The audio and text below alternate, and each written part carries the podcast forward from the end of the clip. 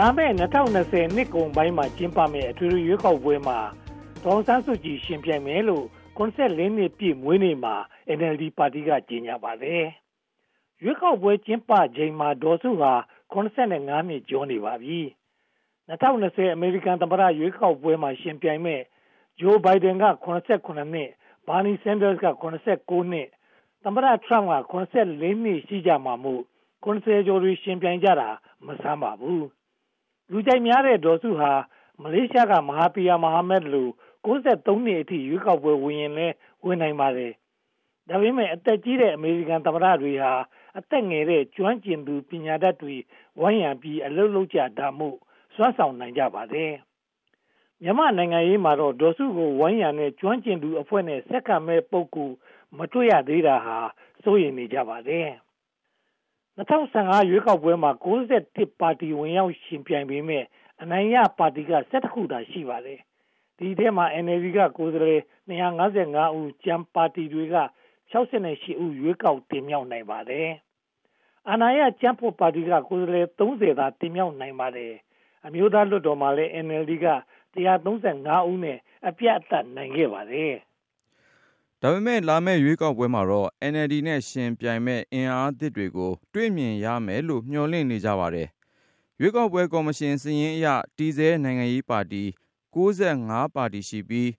မှတ်ပုံတင်ခွင့်ပြုထားတဲ့ ပါတီက115ခု ရှိပါတယ်။ပါတီတွေများလာလို့ မဲဆန္ဒရှင်တွေအတွက် ရွေးစရာလဲတိုးပွားလာတဲ့အတွက်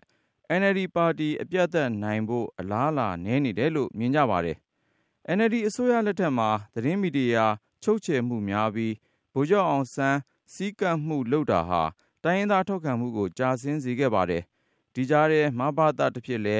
ဗုဒ္ဓဓမ္မ ပရဟိတအသင်းကလည်း NLD ဆန့်ကျင်ရေး လှုံ့ဆော်လာဖွယ် ရှိပါတယ်။ငြိမ်းချမ်းရေးနဲ့ ရခိုင်အရေး ဖြေရှင်းနိုင်ဖို့ အများကြီး လိုနေပါသေးတယ်။အာဏာရပါတီ NLD မဲနိုင်ဖို့ ခက်ခဲလာပြီလို့ မြင်နေကြပါတယ်။ကချင်ကရချင်းနဲ့ မွန်ပြည်နယ်တွေမှာ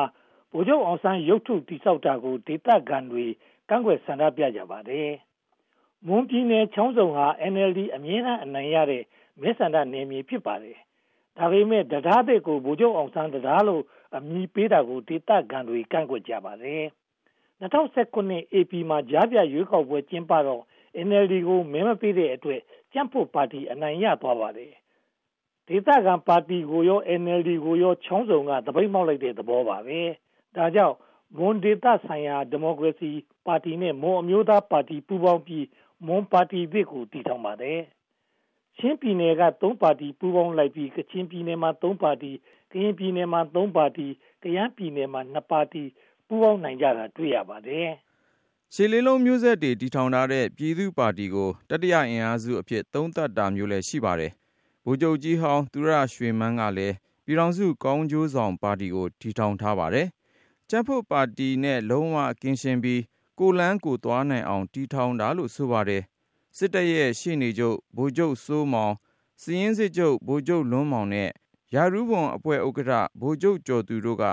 နိုင်ငံရေးပါတီတည်ထောင်ပြီး အမျိုးသားနိုင်ငံရေး ဒီမိုကရက်ပါတီလို့ အမည်ပေးထားပါတယ်။ထမင်းဆိုင်ဖွင့်ပြီး ကိုယ်တိုင်စပွဲထိုးလုပ်တဲ့ ဗိုလ်ချုပ်လွန်းမောင်ရဲ့ ရိုးသားမှုကို လူကြိုက်များကြပါတယ်။အငင်းသား ဗိုလ်ချုပ်မှုကြီးတန်းရွှေ တည်ထောင်ခဲ့တဲ့ ကြံ့ဖို့ပါတီက ခွဲထွက်တဲ့ စစ်ဗိုလ်ဟောင်းတွေ တိုးပွားလာတာဟာ ထင်ရှားတဲ့အချက် ဖြစ်ပါတယ်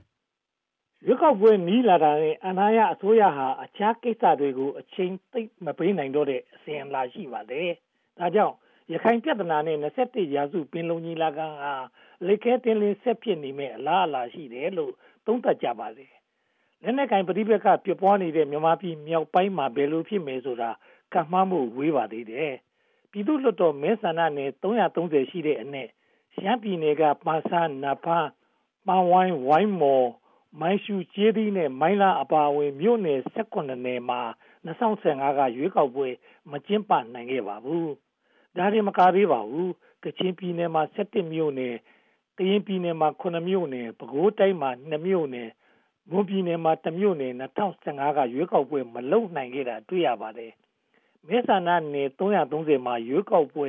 မလုပ်နိုင်တာက38နယ်ဖြစ်နေပါတယ်။2020ရွေးကောက်ပွဲအတွက်မဲဆန္ဒရှင်စည်းအကြမ်းကိုလာမယ့်စက်တင်ဘာလကုန်မှာအပြည့်ကောက်ယူဖို့စီစဉ်ထားတယ်လို့ရွေးကောက်ပွဲကော်မရှင်ကကြေညာပါတယ်။ဒါပေမဲ့တိုက်ပွဲဖြစ်ရာဒေသစစ်ဘေးဒုက္ခသည်စခန်းရွှေပြောင်းလုံသားစတာတွေကိုစည်ရင်းကောက်ယူနိုင်မလားဆိုတာကိုတော့မသိရသေးပါဘူးဗျာ။